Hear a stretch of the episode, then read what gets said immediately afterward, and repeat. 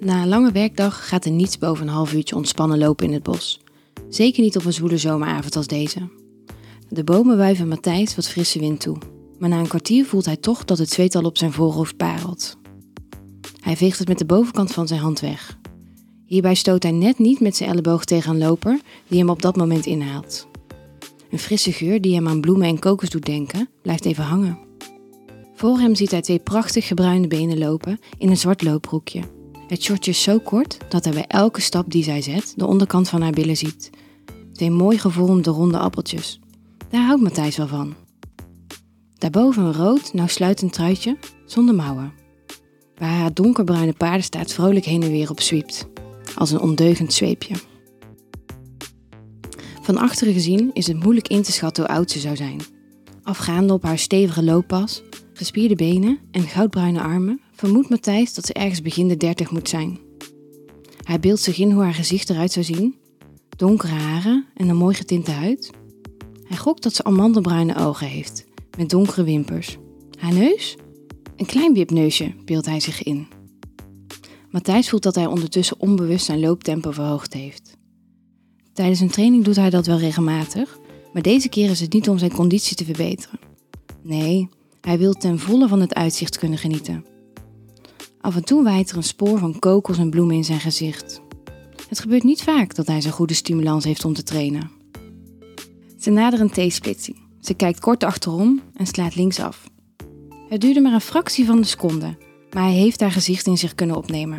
Haar ogen waren inderdaad donkerbruin, met pretlichtjes om in te verdrinken. Heel even had hij de indruk dat ze oogcontact hadden. Nee, dat kan niet. Het is vaste verbeelding. Hij voelt dat het hem meer energie kost om haar bij te kunnen houden. Aan haar pas te zien is ze inderdaad aan het versnellen. Ook Matthijs versnelt, maar voelt dat hij haar niet bij kan houden. Langzaam wordt de afstand groter tussen hun en drie minuten later gaat ze de bocht om en is ze uit het zicht. Jammer. Ja, jongen, je mag nog een beetje aan je conditie werken als je dat haasje bij wil houden, denkt hij bij zichzelf, terwijl hij zijn tempo weer wat laat zakken. Een tiental minuten later liggen de laatste 100 meter voor hem. Hij zet zijn traditionele spurt in richting zijn stretchbank, waar hij altijd op aankomt na een spurt en zijn stretchoefeningen doet. Matthijs is goed opgewarmd, letterlijk en figuurlijk. Hijgend als een hond komt hij aan en zoekt direct steun op het bankje. Tot zijn verbazing ziet hij het haasje bij een andere bank ook staan stretchen. Ze staat met haar rug naar Matthijs toe. Haar benen zijn gekruist en ze buigt zo ver mogelijk voorover om haar kuitspieren te stretchen.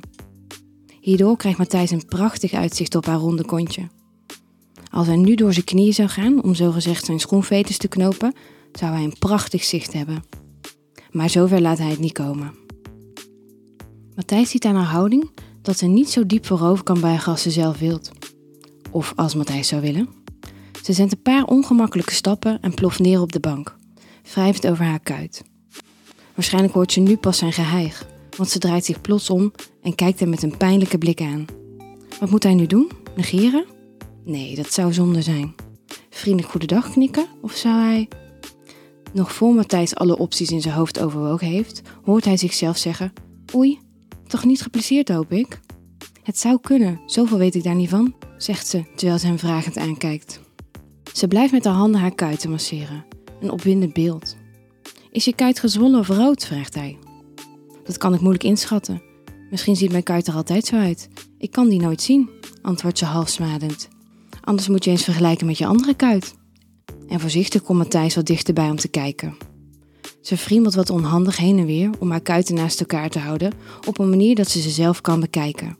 Maar het lukt er niet. Wil jij eens vergelijken? vraagt ze.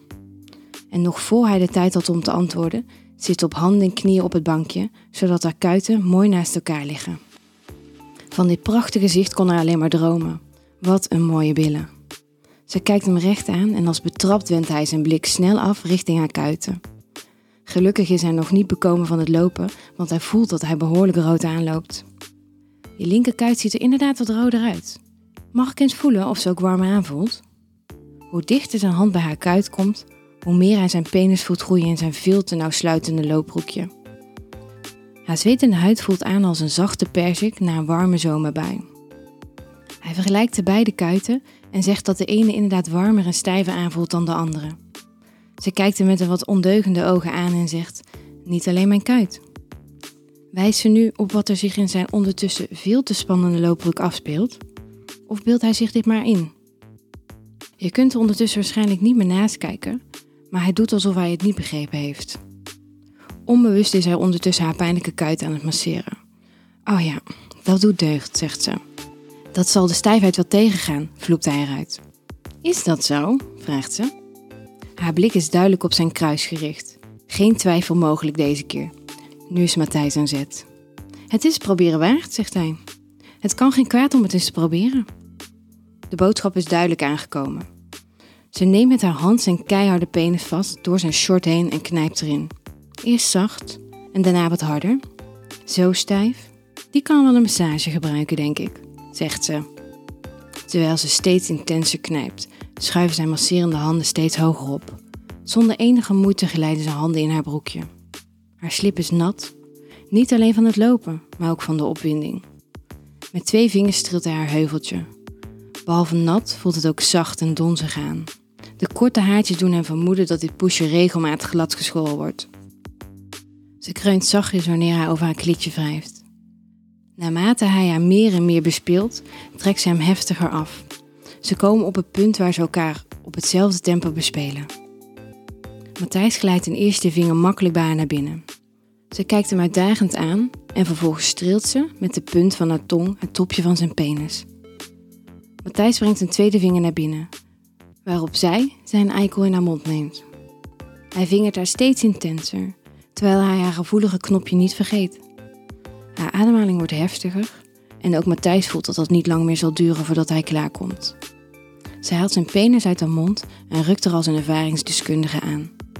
Ze duwt haar kontje nog iets hoger, zodat hij met zijn vingers zo diep mogelijk in haar komt.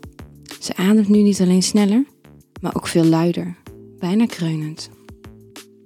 In de verte horen ze plots stemmen van een groepje lopers. Matthijs schat nog een paar honderd meter en dan de bocht om. Ze kijken elkaar aan en denken blijkbaar hetzelfde. Nu moet het snel gaan. Matthijs vingert haar als een bezetene, terwijl zij met haar vrije hand voor extra stimulatie aan zijn ballen zit. Zijn eikel zwelt nog meer op en maakt zich klaar voor de finale. Van opwinding knijpt hij naar Bill.